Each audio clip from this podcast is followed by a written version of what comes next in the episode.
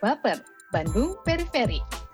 Podcast opat orang asli Bandung yang sudah terdesak atau sengaja bergerak ke periferi kota Bandung and beyond. Ngecapruk soal beragam isu penting menurut kami. And in case you're wondering, podcast ini akan dibawakan dalam bahasa Indonesia, Sunda, dan Inggris ataupun bahasa-bahasa lain yang tentunya jauh dari kaidah-kaidah bahasa baku. Podcast ini 18 plus plus, listeners discretion is advised. Hey. Ya. Jadi lama banget nggak ketemu kita, ya ampun. Nggak pernah. Eh, udah disclaimer aja kejadian tadi. Enggak ya? Iya, nggak apa-apa disclaimer. Pemirsa, kita udah bicara setengah jam lebih. Ternyata belum direkam. The Sama Chaplikers gone. Kita udah poin-poin penting yang sudah dijelaskan dari Gila. Gon. Kita udah Nggak membahas masuk ke cloud sama sekali. pemerintahan dan Dan segala sesuatu society. yang berhubungan dengan Naon. si alam geus tunduh. Alah siau. tanggung jawab alam. Ya, jadi nggak sorry. tapi kita akan ulang lagi persis seperti apa yang tadi kita sudah bicarakan selama hampir sejam. Enggak, setengah jam. Setengah Oh. jam. Ini Kurang-kurang lah, dramatisir 20 menit orang. mungkin. Sekarang giliran meroast Tanti alias Maulidianti Wulansari Sofyan. Seorang istri, seorang istri dulu ya. Seorang istri, seorang desainer, eh, pekerja sosial, eh pegiat sosial, SJW. dan juga mojang priangan yang famous di Ada zamannya dan sekarang juga ya masih. Enggak lah, enggak lah. Sekarang mah biasa aja, Nis. Jadi nih ya di antara kita bertiga, Langsung awkward. Tanti ini lebih banyak punya pengalaman tinggal di luar negeri. Walaupun nggak yang bertahun-tahun gitu ya, maksudnya at least tiga bulan. Pertama, Singapura sama Alam kan, setahun. Brazil, Barcelona, Ya. Inggris, Denmark juga lumayan lama ternyata. Bentar tuh segitu balik mah. lagi, ya sebulan ya. Ya Uh-huh. oke lah, stay liburan. Balik lagi sekarang ke Jakarta. Nah, 10 tahun ke depan nih ada di mana seorang Maulidianti Wulansari Sofyan? Aduh, nggak tahu di mana ya. Kalau work from home sih nggak apa-apa lah di Jakarta.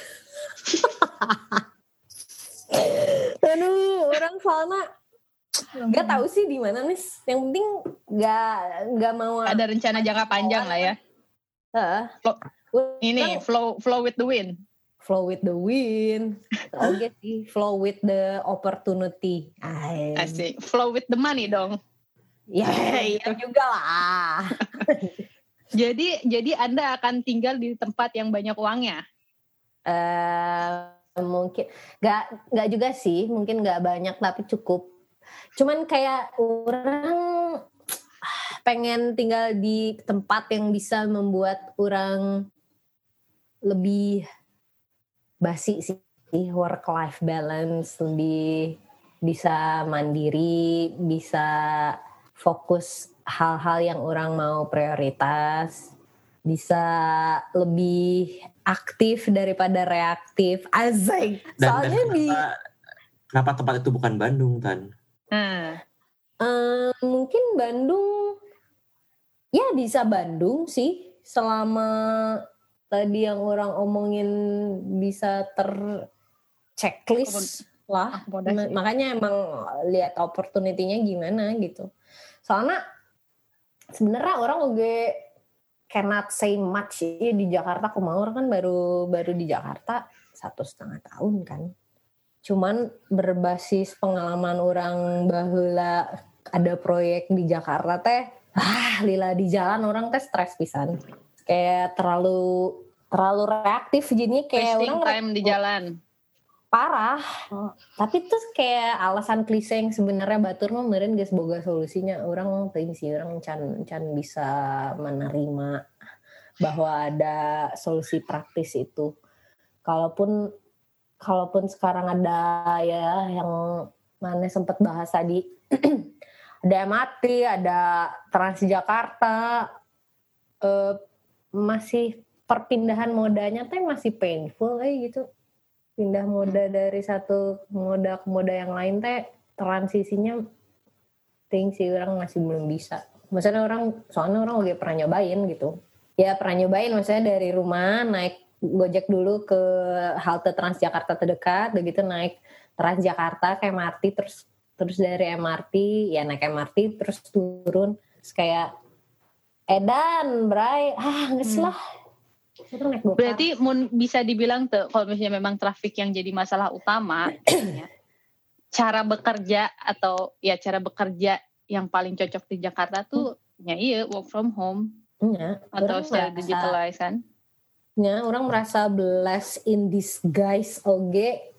Jadi ya awal-awal setengah tahun di Jakarta orang kan freelance jadi semua meeting kumah orang lokasinya misalnya mau duduk ke rumah apa gini alhamdulillah masih masih bisa dinego gitu. Sejauh-jauhnya juga kalau di selatan orang kayak bisa nggak kita Sabtu aja gitu atau nggak Minggu nggak nyari yang macet lah gitu.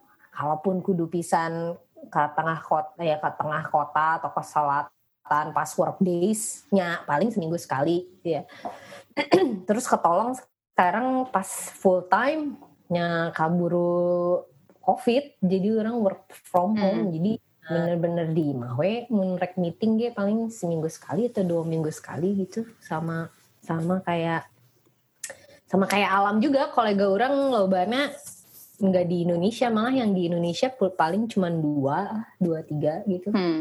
gitu sih berarti kalau misalnya hmm? Hirian bilang kan Rian karena dia kerja di Jakarta juga ya jadi ikutlah istilahnya gitu faktor eta oge faktor suami tinggal yeah. di iya. Jakarta jadi kita Hmm. Jadi misalnya siapa, oke okay, kita sekarang ke Gue tahu Banyumas kan? Enggak. Banyuwangi. Saya mau nyebutnya. ya, kita ke uh, Kalimantan Timur, yaitu kota baru. Kota baru, uh, ibu kota. Ibu kota baru. Baru yang rencananya akan pindah ke sana dari Jakarta. Nah, mau nggak? Ya, mau-mau aja sebenarnya kalau udah gawena akhirnya masih work from home. Sebenarnya makanya dulu juga ikut sebenarnya ada pertimbangan Sirian worknya atau fleksibel. Saya tak kudu ngajar pan mm -hmm. orang gawena tempatnya fleksibel. Dan, okay, dan culture uh, culture project orang yang udah condong ke arah startup and the blay and the blay mereka pun udah mengadopsi work from home lebih dulu daripada sekarang kapaksa covid kan? Hmm. itu jadi orang lagi ngelihat ngelihat situasi oh ya nggak masalah. Emang gawean teh naon sih tan? Kalau bisa dijelaskan um, dengan dengan bahasa jelas-jelasnya okay. jadi sebenarnya orang setelah balik dari Singapura orang kan uh, kerja udah bukan di kantor arsitek lagi, ya kan? Sebenarnya di uh, kreatif multimedia lah, tapi pada saat itu skill skill arsitek orang kepake karena mostly proyeknya video mapping hmm. di Sembilan Matahari. Jadi orang di sana handle uh, teknis lah, tapi karena emang orangnya juga nggak banyak kurang handle juga kayak R&D community yang kayak gitu gitulah kolateralnya lah. Nah dari sana mulai mungkin namanya uh, ke expose lah sama uh, bidang digital kali naonnya orang ngasih judulnya. Ya kita yeah, mau interaktif desain multi ya gitu. Terus dari sana orang juga ketemu sama uh, stakeholder, terus sama pegiat-pegiat industri 4.0. Karena itulah juga milih milih S2-nya ke bidang yang nah, seperti itu gitu kan. Tapi orang oke masih kayak kan nggak bisa tiba-tiba pindah ke interaction juga kan karena nggak nggak ada background untuk pindah ke interaction design sebenarnya kan kalaupun orang mengambil uh, master ya harus nggak bisa ya harus S1 lagi cuman si hmm. IAC yang di Barcelona itu dia sama lah kayak si Santos ada architecture-nya yang digital fabrication sama ada interaction jadi makanya orang daftar ke sana karena hmm. mereka nerima uh, ya basically mereka architecture school tapi dia udah eksperimental terus ada hmm. um, maunya jurusan yang ke interaction design gitu. Jadi ya udah dari sana orang oke nyari sebenarnya selain di Barcelona ada juga di Inggris. Uh, di mana dehnya orang? Meangan lah beberapa. Cuman yang emang paling akhirnya serem dan yang lah ya ya di Aceh itu. Sebenarnya no interaction design teh apa ya? Contoh konkret nanti juga aku masih produk apa sih yang dihasilkan interaction design teh?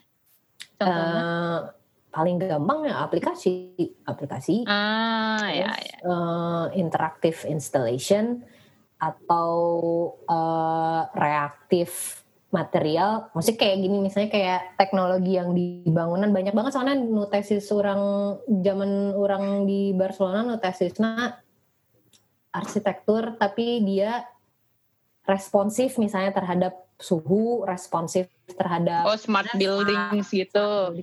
Cuman smart buildings kan sebenarnya orang nggak sih definisi smart buildings saya kumaha sih lulusan MIT-nya buildingnya.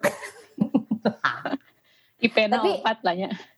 Ya, maksudnya sebenarnya gini, maksudnya kayak tingnya orang correct me if I'm wrong, orang nggak poho. Maksudnya selama rumahnya bisa meregulasi sendiri, misalnya kayak temperatur tanpa harus pakai AC buatan, sebenarnya bisa dibilang smart juga kan. Misalnya posisi ya posisi Bovenlihna buat cross ventilation, oke okay, sebenarnya itu udah, maksudnya ada kategori smart kan. Mungkin uh, karena karena lahirnya di negara-negara yang butuh air conditioning kali ya muncullah yeah. ide smart building yang misalnya atau ya yeah. pertama dari conditioning dulu terus mungkin ya gitulah ya terus kayak gini tutup gorden gitu kan jadi kayak banyak yang kayak tesisnya tuh kayak fasad bisa berubah sesuai dengan pergerakan matahari jadi kayak fasadnya yeah. kayak gitu gitu-gitu sih lebih yang kayak gitu. tapi jadi maksudnya interaction design juga juga ada ya ke arah situ juga ya ada, itu itu termasuk interaction design ya. Jadi interaction.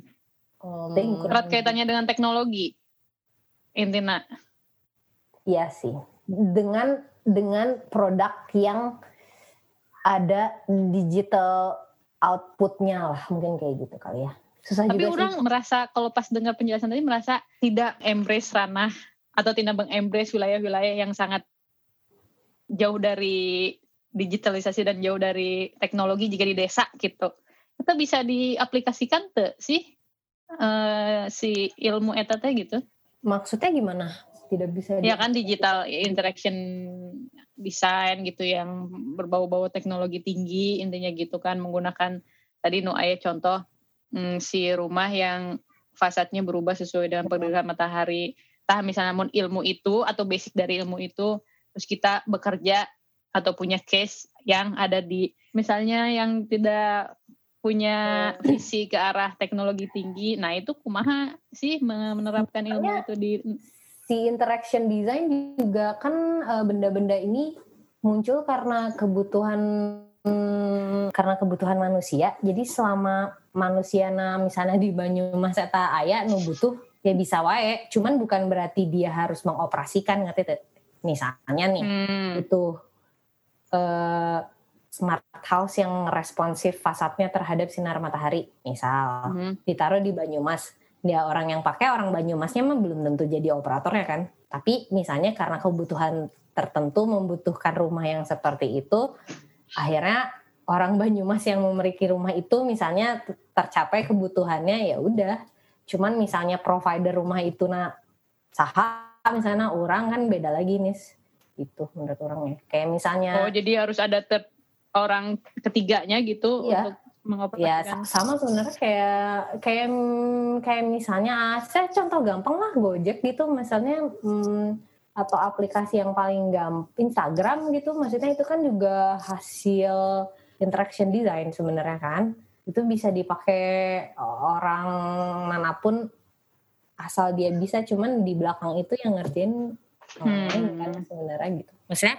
Nanti interfacingnya ke penggunanya nya, bisa atau enggak ya harus kalau misalnya memenuhi kebutuhan dia ya harusnya eh, dia bisa menggunakannya. Tapi kalau dalam kalau dalam tanda kutip bikinnya kan dia lagi ya. Kebayang ke sih Hmm. orang? Misalnya teknologi kan dihadirkan apa pun yang dia sebenarnya apa pun yang berbau desain mungkin dihadirkan karena ada kebutuhan manusia ya. Ya. Kalau misalnya Tapi costnya jadi tinggi, ya nggak sih? oh iya adanya- iya ya pastinya. Nah itu juga yang sering ya itu yang nyambung ke yang Santos kan. Santos itu teman kita maksudnya Oh, ya, iya, yang sedang iya. yang sedang belajar di sini. Ya gimana caranya teknologi itu bukan cuma bisa di provide sama kita tapi ya mulai bisa dipraktekkan sama orang itu gitu. Hmm. ada ada udah ke ranah sana juga kan sekarang. Ya udah. Tapi kalau misalkan gitu ya Tan ya, Hmm? sorry, sorry menyela ya. Interaction design kan erat kaitannya dengan bagaimana manusia interact dengan dengan device atau dengan sesuatu lah Hmm. untuk mencapai tujuan tertentu lah gitunya. Hmm. Nah, jadi siga paradoks sih kalau misalkan mana ayeuna gawena tidak berhubungan dengan manusia langsung gitu. Ayeuna orang saya work from home. Ah, ah, work from home. Em, enggak sih karena tetap ada kayak metode Surveinya digital meren lam. Iya. Pakai Google Doc. em, emang yang paling terkenal lah istilah UI UX lah gitu ya. Itu kan Ah. jadi satu part of interaction design kan. Untuk melakukan riset itu nggak mesti oh, jadi ada tahapannya, ada ada metode yang kita harus kayak antropolog. Jadi dikenalkan juga kita sama metode yang kita misalnya mau mengerti gimana cara orang misalnya driver Gojek gimana kita turun ke lapangan kita nyoba jadi drivernya ketemu orangnya kita lihat tempat tinggalnya kayak gimana parkir motornya kayak gimana gitu ya si driver itu metode yang kita comot dari antropologi gitu. Ada juga yang sistemnya bisa interview dari Zoom tapi kita juga dikasih kayak prompts prompts gimana sih Hmm. walaupun kamu wawancara lewat Zoom gimana sih caranya bisa connect kayak gitu. Sebenarnya nggak nggak nggak masalah sih kayak mm, bisa disesuaikan lah sebenarnya kebutuhan yang kayak gimana. Yang penting eh, maneh engage dengan kalau bahasa software mah dengan usernya mau itu ekstensif siga antropolog atau cuman berbasis wawancara di Zoom juga nggak masalah sih. Yang penting ada interaksi. Ya. Yang penting baik itu ada- digital. ada ada ada user research kita bilangnya kayak gitu sih ya udah Hmm. terus dari sana orang balik dari dari Barcelona orang kan bikin startup consultant sama baturan-baturan orang anak-anak ITB Em, isinya ya end to end jadi end to end software development tapi sampai tahap prototyping juga deh doang cuman tahap- sampai tahap prototyping doang jadi mulai Nah, itu lanjut. saya pertamanya Lumayan. orang nikah kan terus orang teka pikiran di untuk untuk Hmm, balik lagi siap. lah gitu terus Hmm. em, ya udah dari dari dari sana jadi ada client base yang alhamdulillah nurun nurun. Maksudnya walaupun orang teu di kantor nu eta ada yang ikut ke orang gitu tetap jadinya hire orang tapi as personal. Nah mulai dari situ orang diminta kayak em, diminta nge-share metode-metode orang yang orang pakai gitu. Hmm. in terms of nge-research, nge- nge-develop produk gitu, terus nge-manage team karena emang em, kita ngeadaptasi ya si apa pun yang diajarin sama startup terdahulu di Silicon Valley. Dan maksudnya itu udah jadi sebenarnya tidak nothing special karena karena eh, begitu maneh bikin startup kita diajarinnya kayak gitu gitu. Ini loh approach-nya which is itu kayak template dari Google atau apa Hmm. jadi kita juga kayak eh, maksudnya kalau ada yang ngerasa Tinggal ngejalanin aja gitu sih, Ah, gitu. rundown eta gitu. Cuman ada beberapa uh, perusahaan yang maksudnya dari dulu mungkin udah di bidang digital dan teknologi, tapi mungkin sistemnya belum mengikuti yang yang menjadi panutan kita. Akhirnya minta tolong gitu, minta tolong dong di trainingin gimana pakainya. Minta tolong dong kayak gimana sih bikin culture yang kolaboratif, yang co-kreatif uh, sama nggak top down. Terus um, orang sebenarnya nah jadi HR kan iya iya asli. Karena pada saat itu sebenarnya momennya adalah si contohnya nih BUMN orang nggak mau menyebut merek. Saya boleh nebak nggak? Sebut saja dia mawar. Apa tebakannya? Telkom. Ya yang kayak gitu-gitu ada momennya mulai dari bank, BUMN apa, terus ya private sector juga ada. Mereka kayak mau transisi dari konvensional, kita bilangnya waterfall ya, uh, ke yang tim yang lebih agile.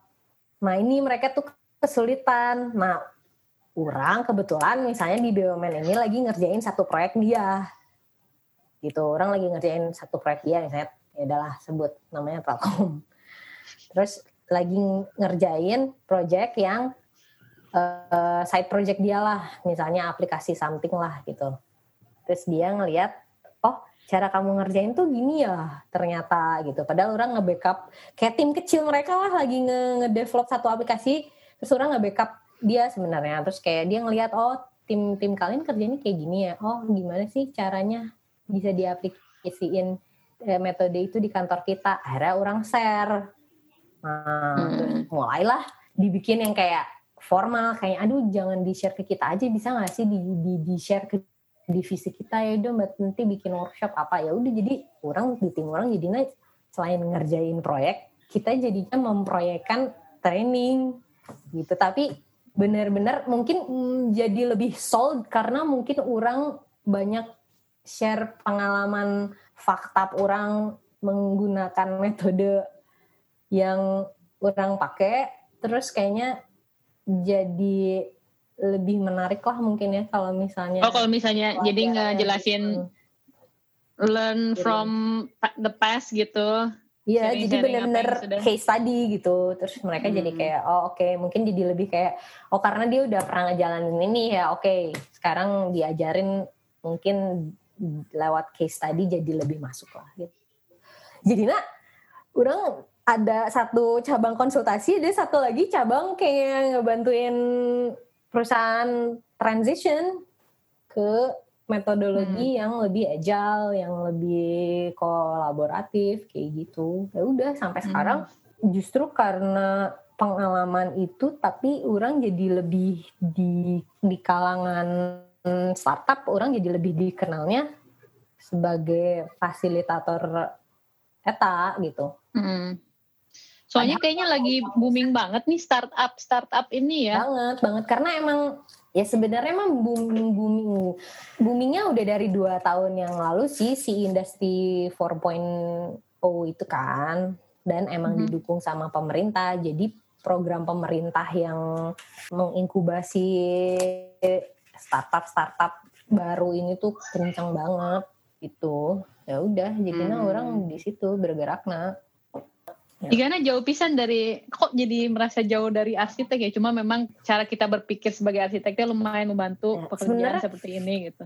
Orang yang arsitektur ngaruh banget sih karena orang jadinya teknis tahu konsep juga ada ilmunya teknis bisa software orang udah terbiasa kudu bisa software ngerti gak sih?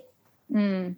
Hmm, Jadi sebenarnya iya karena arsitektur karena kita dicabik-cabik ketika kita kuliah, ya kita udah terbiasa harus ya lu kalau konsep ya harus bisa dibangun, terus kalau dibangun ini alatnya, mana kudu bisa, ngerti gak sih? Jadi kayaknya ya, itu. pola pikirnya hmm.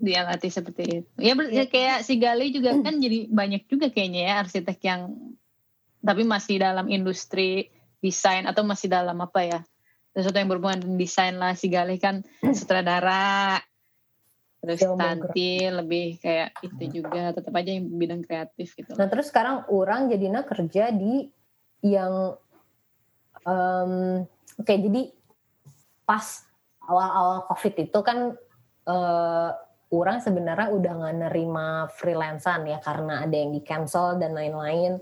Tapi uh, orang karena ngerjain yang si face protector itu kan oh iya terus um, tapi di situ mulai lagi booming seperti yang kalian tahu mulai dari webinar apa itu semua inkubasi secara online workshop online ngaberebetnya banyak mm. ya di situ orang jadi tiga bulan setelah Maret awal Maret kan COVID terus mm. ya udah dari situ mulai banyak offer lagi bisa nggak um, ngadain bener-bener yang sama tapi online bisa nggak mm. mulai dari jadi konsultan mulai dari uh, jadi konsultan sampai mulai ngasih workshop mm. di situ orang masih kayak ih kok masih ngajarin uh, jadi juga berkah di balik pandemi ini iya, sangat terasa sih. nyatanya iya. jadi di, di balik postingan-postingan Tantin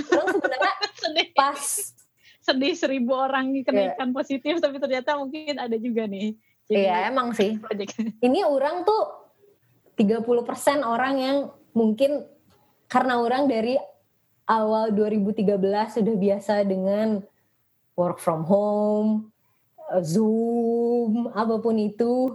Jadi hmm. orang kayak pas transisi ke COVID tuh orang kayak it's my thing dalam tanda kutip bisnis as usual walaupun emang pas awal-awal Maret itu orang nggak ada project sama sekali gitu. Cuman hmm. kan orang rada-rada ke distract karena orang mengerjakan proyek pro, uh, proyek uh, face shield orang eta kan. Jadi orang benar-benar nggak mikirin kerjaan ya, apa-apa. Ya. Uh, itu baju baju hazmat juga ya. dulu? Eh kemarin itu? Apa cuma facialnya doang? Facial doang. Awalnya mau ngebantuin hazmat tapi ternyata quality controlnya liar terus akhirnya kita drop. Kayak udahlah kita nggak akan hmm. ngerjain ini karena takutnya malah bikin kualitas sampah gabut. Udah terus nah ya udah dari situ orang sebenarnya nerima satu terus dap, uh, dapat lagi uh, project satu lagi. Tapi orang mungkin karena kerjanya work from home orang sebenarnya merasakan juga sih kayak sebenarnya butuh juga nih ketemu orang nggak nggak nggak lost staying lah gitu. Sama sih kayak si eh enggak juga sih ya mungkin bidang kreatif yang butuh at least beberapa kali ketemu orang gitu ya. Tapi kayak misalnya si Surya ya ngelihat jadi dia mah sampai kantornya itu uh, seminggu masuk seminggu work from home walaupun di sini udah relatif stabil ya. Karena ternyata bisa juga tuh project jalan kalau misalnya orang-orang yang kerja di rumah dan juga ya jadi mengurangi kos kantor juga kan untuk nyediain makanan di kantin, listrik. untuk nyewa itu listrik. Ini mengurangi kos juga gitu kalau misalnya work from home apalagi mungkin secara engineer gitu ya nelfon paling meeting non sih gitu nggak ada doodling doodling yang yang harus mempresentasikan gambar terus kita harus langsung tunjuk sana tunjuk sini mungkin nggak nggak se nggak segitunya lah gitu bidang dia mungkin gitu. Hmm. ya tapi mungkin di bidang kreatif nih ya kayak kita gitu belum ideal kali ya. Ya nggak? Atau nggak tahu ya. tuh untuk emang emang emang nggak ideal sih. Setidaknya pasti harus brainstorm yang ketemu langsung tuh nya lebih produktif dan lebih halus. We kemarin pasti dia tapi itu karena kultur kita juga yang paguyuban ya nggak sih? Kalau misalnya orang ya mu ya nggak tahu ya belum belum pernah nanya juga orang-orang Eropa atau bahkan kolega di sini juga belum pernah nanya sih sebenarnya mereka tuh gimana gitu kalau misalnya hanya work from home aja. Soalnya kalau kita nih ya mau orang sendiri nih ya butuh gitu kayak ketemu-ketemu hey hey hey dulu gitu prolog dulu gosip-gosip bela baru masuk ke inti permasalahan terus lapar kita makan dulu apa nah itu tuh hmm. perlu dan itu tuh jadi hmm selain jadi membangun relationship tuh bisa melancarkan uh, proyek gitulah kalau misalnya orang ya. Nah tapi mungkin uh, di sisi lain yang culture-nya individualis atau yang to the yeah. point, ya yang gitu mah ah yang penting gue sampai gitu atau mungkin paling banter ngopi doang yang setengah jam habis itu kerja lagi. Mungkin karena orang uh, di bawah orang ada tim ya. Jadi orang bukan sekedar kayak oke okay, let's do checklist some task atau naon tapi gue juga harus kayak me, membuat teamworknya works gitu ngerti gak sih nah etapa yang nggak bisa Hmm. orang cuman kayak lu kerjain Yup. ini dan oke nice good job nggak bisa gitu jadi Hmm. ada hal-hal yang mungkin dari lebih mungkin kayak team building atau leadership gitu Ya, ya itu sih. yang nggak bi eh, bukan nggak bisa ya cuman kayak challenging banget lah Hmm. karena kayak Hmm. eh, dari satu tim kan mungkin ada strong ada yang weak ada yang bisa mandiri cuman cenah kan kita we we are as strong as the our weakest link kan nah jadi yang weakest link ini yang orang kadang-kadang emang nggak bisa kalau jauh-jauh teing. Tapi so, Hmm. sebenarnya mah emang bener sih. Maksudnya harusnya ada solusinya gimana supaya ada human connectionnya. Sekarang sih orang sebenarnya solusinya eh, ada work body jadi misalnya orang kerja tapi eh, si earphone orang tetap call-callan dengan satu orang lagi di ada orang Indo di Jerman gitu. Jadi ke orang paehkeun si eta ceplak gak yang bisa ngadenge gitu. Cuma Jadi itu lebih ke supervisi, lebih ke apa namanya eh, kamera ini surveillance ya berarti ya. Enggak, enggak, enggak, tapi enggak bahas, enggak, enggak orang ngecek kerjaan dia juga gitu, tapi kamera dinyalain, atau enggak kamera dimatiin, tapi ini, jadi work body aja, jadi ngerasa kayak ada teman kerja gitu loh. Terus misalnya kayak gini, terus tiba-tiba ngomongin, eh, eh, eh, anjir, anjir, lihat si ini komen gitu. Oh. Kayak, ya namanya work body sih, atau enggak kayak misalnya ada nge-zoom tapi bukan buat meeting, nge-zoom buat dahar lunch, ya guys lah, udah Ya, Awe, gitu. ada kok dulu tuh di di waktu work from home yang lagi peak-peaknya atau lagi parah-parahnya COVID tuh sampai ada konser di kantor, konser online. Iya, saking Jadi sahan ngulin desperate- gitar gitu. Kenapa? Iya, konser artis, artis misalnya di orang saya sih Afgan gitu.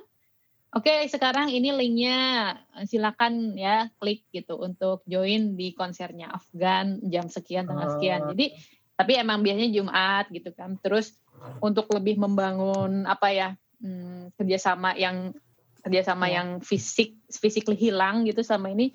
Jadi setiap hari apa dua kali seminggu tuh ada kayak eh, lunch presentation atau apalah gitu. Jadi tetap interaktif walaupun Hmm. ini.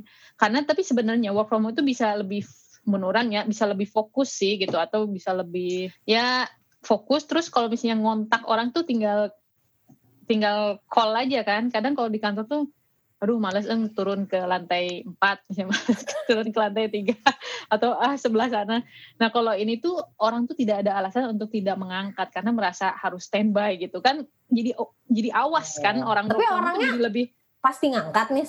Kemudian ya kan ada available, ada busy, ada do not disturb. Mun Oh. available mah langsung ceklek gitu angkat gitu.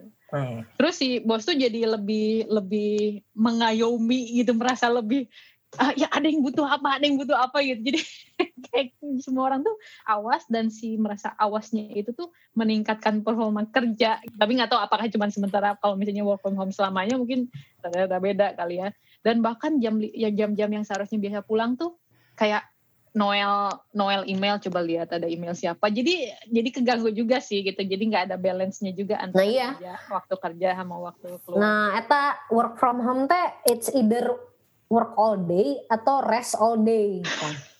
Rebah. Iya iya. Kadang-kadang teh nggak ada boundary itunya sih. Cuman orang ya orang luckily udah melewati fase itulah karena orang ya itu sebenarnya keberuntungan orang orang sebenarnya dari tahun-tahun sebelumnya Sudah familiar. opsi work from home gimana gitu karena orang dapat flexibility untuk work from home kalau di dengan mengaplikasikan si metode kerja startup startup terkini. Hmm. Tapi jadinya sebenarnya mun nya, lokasi di mana kita tinggal sebenarnya te tepati ya tidak tidak berpengaruh Meter. banyak sebenarnya. eh. Jadi Iya, mana rek di jadi- Bandung, mana rek di mana gitu. Ya.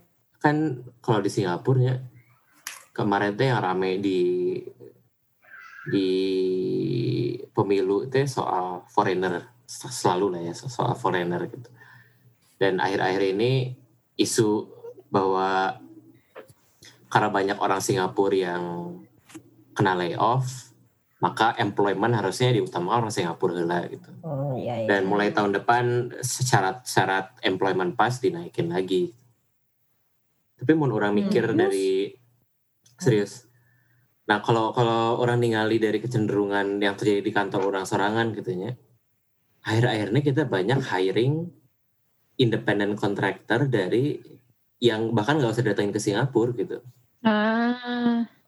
Ngerti nggak? Gimana Jadi, lokasinya? Jadi ada yang dari KL, dan dari Filipina, dari ah. Australia, hmm. dari London gitu.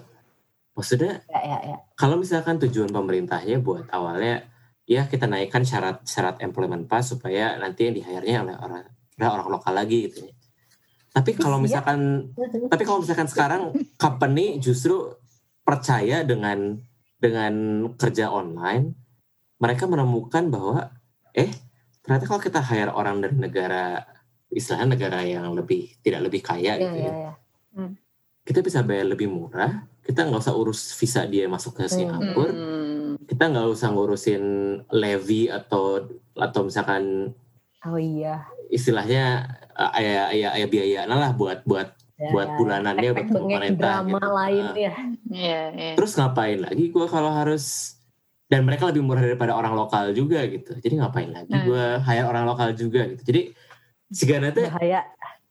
Ini ini keadaan ini tuh semakin semakin malah semakin berbahaya benar kecepatannya. Jadi kayak ini ada ada kebijakan yang mau meredam keresahan masyarakat tapi tidak at akan at the same time tidak menyelesaikan keresahan masyarakat. Oke okay, gitu. Karena menemukan solusi yang lebih iya. lebih ekonomis.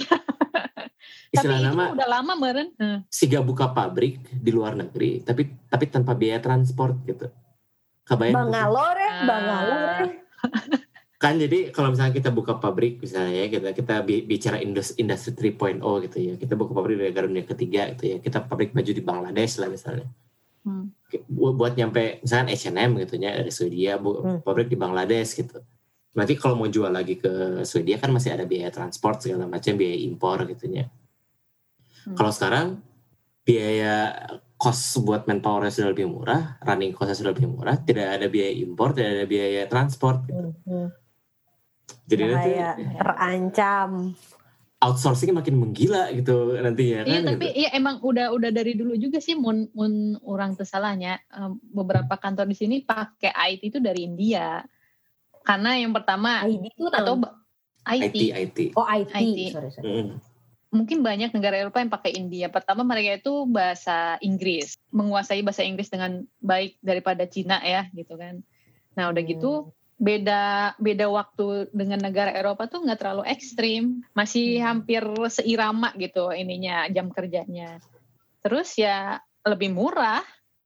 Hmm. Jadi ngapain nge-hire IT lagi IT tuh ya digital semua kan nggak ada yang kita gambar-gambar atau uh, apa namanya discuss discuss masalah yang harus bouncing idea kayak kalian tadi ngobrolin.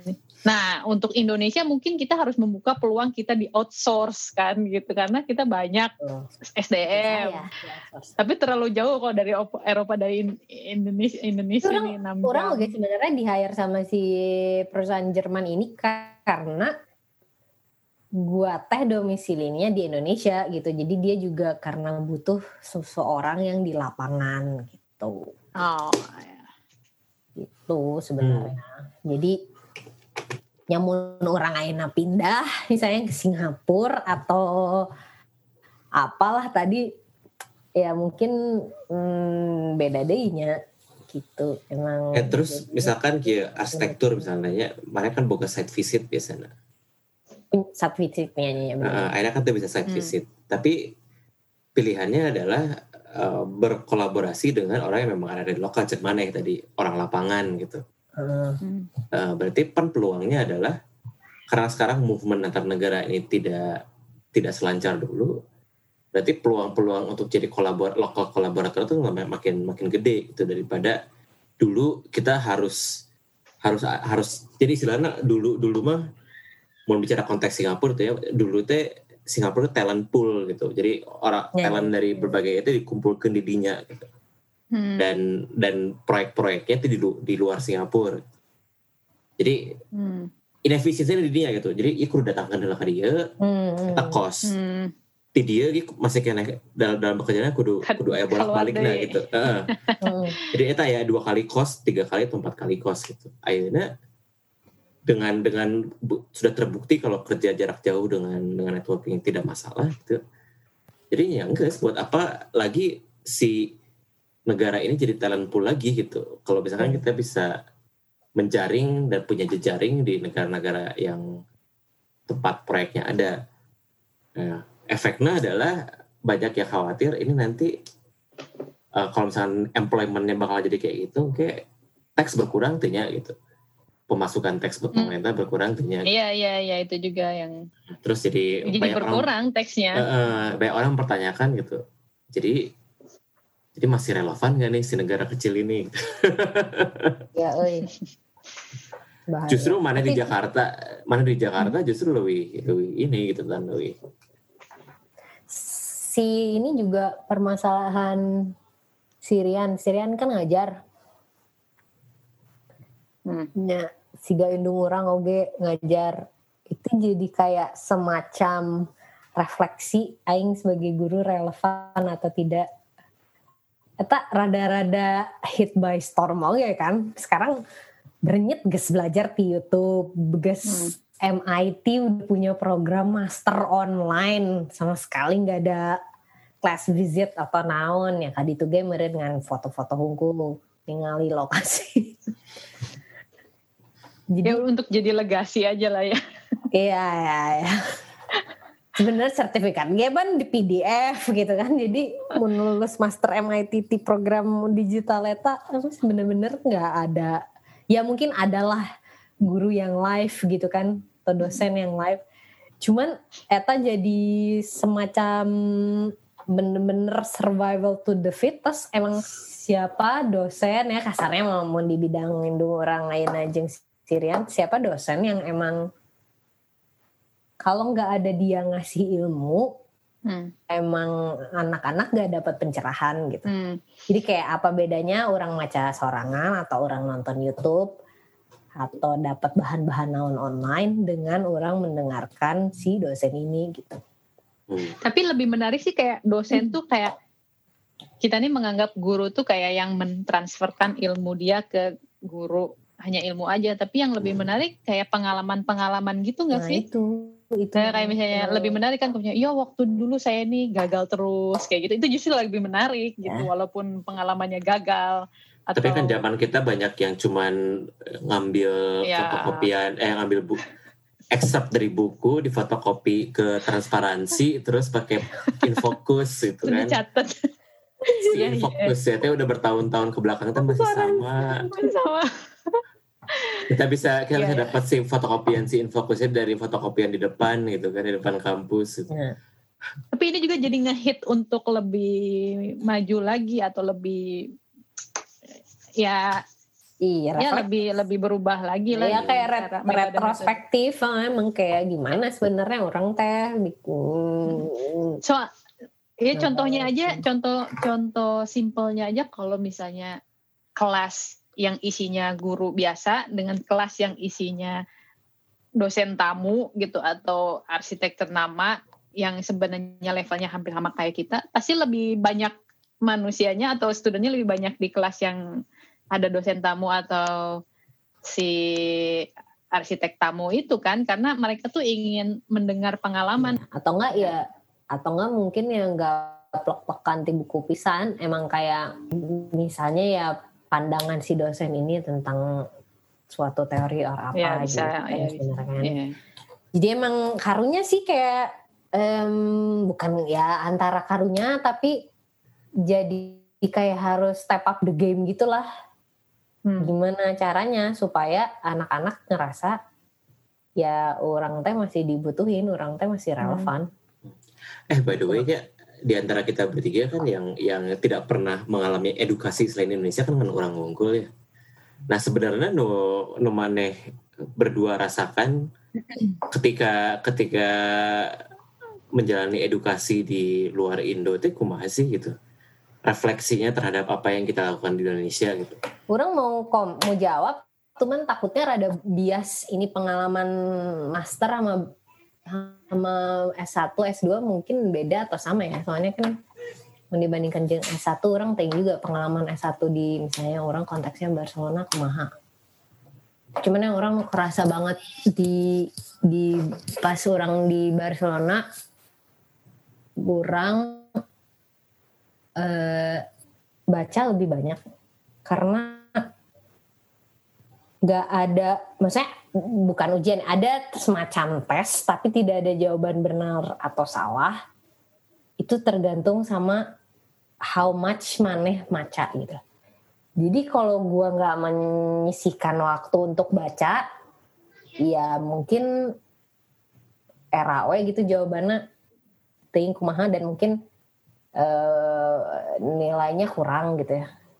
Jadi kayak di situ orang baru pertama kali kayak ngerasain culture independent study yang orang ngerasa ada manfaatnya benernya. Jadi kayak kayak dalam semester ini ini ada 15 buku jebret. Dia nggak ngasih struktur mana yang harus dibaca mana yang ini nggak ada. Cuman dia setiap ngasih ngasih ngasih misalnya um, oke okay, this week ini materinya dia di paling kanan gitu ada bukunya teh referensinya ini ini ini, ini. tapi saya tahu dia nggak mention man kan orang kan pasti bisa ningali kan? Oh berarti orang mau merek ngerti minggu harap saya ngomong mana orang cika orang macam lah hmm. karena orang pernah ya maksudnya awal-awal ya awal-awal orang juga pan ah riweuh naon ngurusan KTP hula naon nyari imah gitu kan. Jadi orang tiga minggu awal tuh kayak nggak apa otaknya belum belajar lah gitu. Karena orang riuh kene urusan pindahan kan. Orang bener-bener keteteran tuh bener-bener yang kadang-kadang kalau diskusi orang kayak ini ngomongin naon? Karena nggak hmm. pernah dosen nggak pernah ada slide yang banyak ngejelasin sesuatu tapi lebih kayak pertanyaan oke okay, sekarang eh, kita ngebahas yang topik ini ya. Dengan ekspektasi si dosen teh orang gak semacam bab ke mana atau buku yang mana sih? Jadi aing mau tiba-tiba di grup kan ini aing cari tanaman gitu. Jadi tapi uh, jadi orang satu jadi nak sebenarnya nggak akan ada yang ngejat juga nobody kersnya nyala mana gue kayak mana sih ya belajar aing cuman jadi peer pressure kan gitu peer pressure terus ada satu dosennya dosen yang emang kebetulan eta mata kuliahnya teori. Jadi cara saya menarik sih. Jadi oke okay, misalnya eh, dia dibagi misalnya satu kelas dibagi empat kelompok. Nah eh, kelompok yang satu harus baca bab A, kelompok dua harus baca bab B. Dia ngasih assignment gitu. Oke. Okay. Baca saya tuh ngomong pokoknya eh, kelompok ini harus ngerti eh, bab eh, kelompok nanti kelompok uh, satu kan ya udah kelompok satu harus ngerti tentang bab A ya buku yang ini ya udah gitunya pas orang baca isu karena abus ojol-ojol dipisah orang kudu sekelompok jeng. yang grup no babna beda. Jadi mau orang temaca baturan orang eh, baturan orang tiga jelma deh bo oge bangkar saya mau ngerti karena ya udah lu hmm. lasin apa yang ngerti. Itu itu dosennya jadi tidak jadi gabut gabut. Gabut. Tapi abis itu dia ini terus dia cross check dia, hmm. terus dia nanya misalnya di kelompok orang oke okay, menurut kelompok kamu jadi gimana kesimpulannya? Jadi uh, temanya kan ini terus kalian punya uh, ilmu dari bab A B C D. Oke jadi gimana? Jadi dibahas gini gini ayah sih nggak baca nyambung ge orang Ain ngomong naon gitu kan. Si dosennya bilang bilang kayak I don't think that's relevant. Ini kan sebenarnya Mbak di situ dia mulai ngasih hmm. feedback apakah benar nggak maksudnya kayak gini enggak gitu. Tapi di situ jadi orang mulai mulai ngerti bahwa oh gini yang namanya paham dan orang independent study teh kia terus oh yang orang baca teh sebenarnya teh kayak gini. Oh nyai ngerti. Udah jadinya nempel. Itu sih yang orang kerasa banget ya. Gitu. Hmm. jadi independent study terus mungkin karena IAAC itu berbasis workshop. Hmm. uh, dan berbasis digital fabrication ya akses ke akses ke alat sih. Orang kaget maksudnya se-ekstensif itu orang bisa pakai robot bisa pakai laser cutting tuh bener-bener kayak dikasih akses sepuasnya dan gratis kecuali material ya. Material orang kudu sendiri itu yang orang di bahasa di unpar orang nukang teh tara gitu. Ya. Dan workshopnya kayak, lebih ini. Eh, walaupun sebenarnya workshopnya udah bukan yang kayak ngaduk pasir enggak. Cuman di situ orang jadi ada hands on experience yang bener-bener misalnya orang kayak si Santos lah gitu kayak karena berbasis ada ya misalnya ada divisi fabrikasinya kayak kayak orang bikin instalasi gini terus nggak boleh pakai paku misalnya suka ada kayak gitu gitulah tugasnya.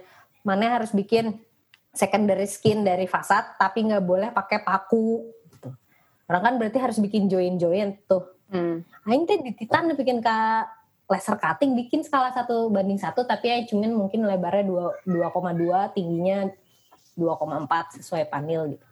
Hmm. Karena mungkin punya workshop itu sih orang jadi kayak um, learning by doing terus di reviewnya juga ya pas di akhir bukan hasilnya bagus atau enggak si dosen fokusnya lesenernya apa gitu jadi dia kadang-kadang hmm, dalam tanda kutip market orang satu banding satu juga nggak dilihat bagus atau enggak ya. Cuman kayak yang penting ada oke okay, I, I wanna know listenernya apa dari software apa dari dari proses apa. Terus kayak uh, bahannya apa sih? Environmental friendly atau enggak? Terus residunya berapa? Kalian efektif nggak? Ada sampahnya berapa? Dari segini kayak gitu. Jadi orang kayak hmm.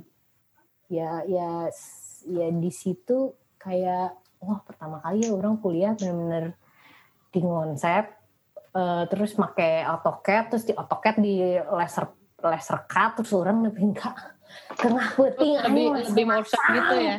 Orang jadi inget deh berhubung kan udah lama banget sekolah 10 tahun yang lalu. Emang sih lebih bebas memilih sendiri project juga sih. Ada satu mata kuliah tentang up north. Jadi yang di atas garis lintang Berensi itu loh di atas lagi. Jadi yang hmm. ada midnight sunnya. Nah itu itu tema hmm. umumnya. Nah tema khususnya kita bisa bisa milih-milih kayak misalnya kan ini kan berhubungan dengan landscape. Jadi ada yang perfor, uh, perforated atau apa ya ada yang tentang eksploitasi batu bara di di wilayah tersebut atau ada yang melting ice kumaha nanti landscape in the future ya kayak kayak gitulah jadi yang yang yang benar-benar diingat tuh memang ada si mata kuliah utama atau topik utama, tapi si si proyeknya tuh terserah kita. Sampai tesis teh orang proyeknya Bandung, alun-alun. Terus yang beda lagi mungkin itu sih yang agak-agak pahit tapi berkesan. Kalau dikasih feedback itu benar-benar di roast, nggak ada mana. Ya kayak enggak oh itu mungkin di Barcelona lah. Eh tan pernah dengar orang-orang atau guru-guru Barcelona tuh kayak ngeros-ngeros gitu. Tapi di Norway oh mereka tuh sopan-sopan banget. Yeah. mau ngeros kalau misalnya ada dosen tamu atau pembicara dari US yang eta langsung wah wow, orang udah orang pernah di roast sama dosen AA dari ada tamu dari MIT ah shit nah, MIT. gitu. kayak Barcelona juga ngeros lumayan. Terus yang ngeros juga tembat baturan aing yang misalnya orang friend gitunya nggak poe panggi misalnya maneh berdua tapi beda kelompok atau enggak ya tugas individual ngerus. Tapi jadinya biasa gitu jadi kayak ya diskusi lah menurut terus misalnya ngerusnya musim mun ya si culture ngerus eta teh misalnya orang ke representasi best prestasi orang dikasih feedback which is di roast ya. Abis itu mereka nggak langsung cabut terus kayak mencibir orang tapi kayak eh gimana tadi tuh menurut orang tuh gini-gini terus dia sketsain jadi emang hmm. mungkin culture giving uh, feedback maksudnya kayak ya, gue mah ngasih feedback gue bukan have hard feelings tapi nya cek aing gue gawean mana goreng jadi uh, kumaha hmm. mau dikieukeun cek orang mah gitu soalnya kita hmm. goreng bisa ya beneran feedback tapi, yang akan per ya, cuman orang kali present tapi itu waktu awal-awal terus kerja kelompok ya. Jadi untung orang diharap lobaan tuh orang. Tapi kebetulan orang anjir itu dirus parah banget tapi ya untung semua itu orang dirus malah terus orang kayak abis itu kayak mau bete tapi yang ngeros juga orang-orangnya kayak ah ya udah abis ini lu mau minum kopi nggak? Eh orang pegel merekomen ya udah. Jadi kayak oh nyangges tuh. Kedawainya move on nggak nggak baper ya Iya nggak baper, jadi orang rek baper kayak era Mending very very. Tuh udah. Iya.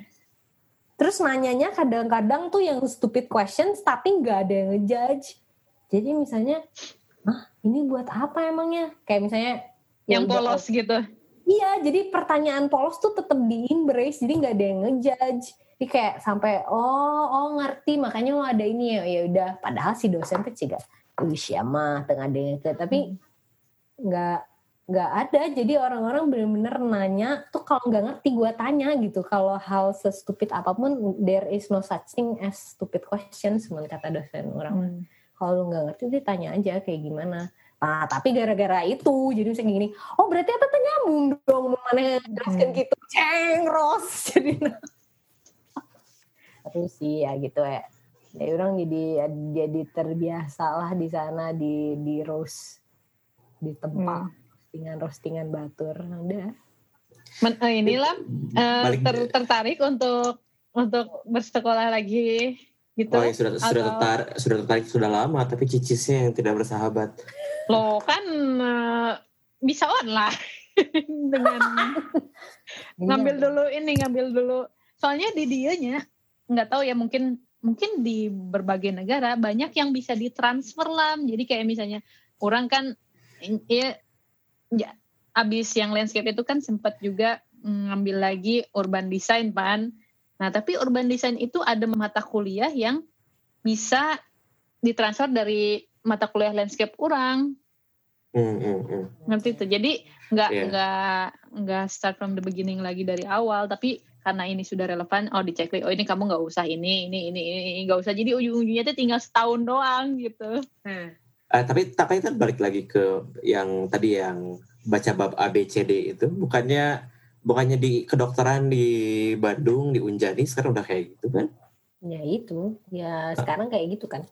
Uh, uh, jadi sebenarnya si dosen-dosen seperti si ibu sebenarnya kan ya udah bisa catching up bisa. lah sekarang hmm. sistemnya interaksi seperti itu dipindahkan ke online sebenarnya tidak begitu masalah Badan atau masih masalah gitu karena kalau spesifik Indungurang mah dia kan nggak tahu cara pakai breakout gitu loh Hmm. Oh, oke. Okay. Gitu kan yang teknisnya. Yang teknis lah sebenarnya sebenarnya saya tegas.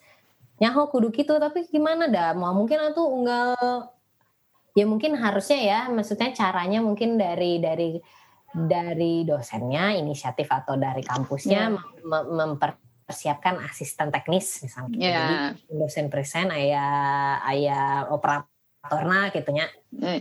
itu bisa harusnya jadi ya, makanya emang kudu nama bisa tapi ya itu nggak ada suatu transisi yang misalnya dilatih dulu atau gimana tapi kan langsung juga gitu gitu kan hmm. hmm. Hmm. Tapi masih mending kalau misalnya ibu bisa zoom atau bisa yang yang basic-basic. Ada yang kalau misalnya school from home nih, yang guru-guru SD kayak gitu yang mungkin yang udah agak tua atau guru SMP yang agak tua itu tuh bahkan fungsi copy paste tuh nggak ngerti gitu loh kan. Jadi oh, misalnya, okay. jadi sampai yang buka Word dokumen aja mereka kesulitan gitu kadang copy paste itu apa gitu. Ya. bisa ya di copy gitu. emang emang kepala sekolahnya sih jadi harus harus ada di inilah harus ada pemberdayaannya. Maksudnya ya, ya mungkin yang udah agak generasi yang guru yang udah agak tua ya yang rada-rada harus kesulitan. ya, entah itu didampingi atau dikasih kelas tambahan buat uh, keep up sama si fungsinya. Sebenarnya itu sih maksudnya ke ojol-ojolan pakai pakai semua digital tools ini harusnya di menurut orangnya harusnya diimbangi dengan pemberdayaannya juga. Jadi nggak si guru teh jangan disuruh pakai aja tapi di empower juga. Ada kelas ke atau ada apa terus misalnya diskusi kesulitannya apa emang harus diakomodir sama sekolahnya gitu. Yang kasihan kan sebenarnya muridnya ini iya, iya.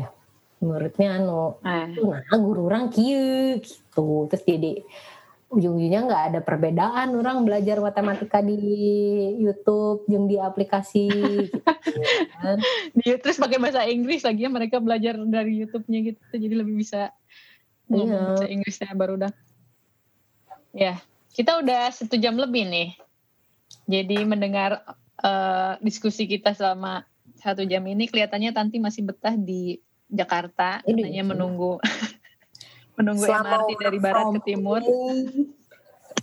selama Rian masih di Jakarta kayaknya bakal stick to Jakarta dan stick to Anies Baswedan. Oke. PSBB PSBB. Oke, eh, Baraya dan pemirsa podcast Bandung Periferi. Sekian episode bersama Maulidianti Wulansari Sofyan di Jakarta. Untuk selanjutnya alam atau galih alam di Singapura, galih di Bali. Jadi stick around. asik Sampai jumpa di episode berikutnya. Semoga sehat selalu di PSBB, semoga sehat selalu di belahan dunia mana pun. Oke, iyo, dadah. Dadah. Ini recording udah stop.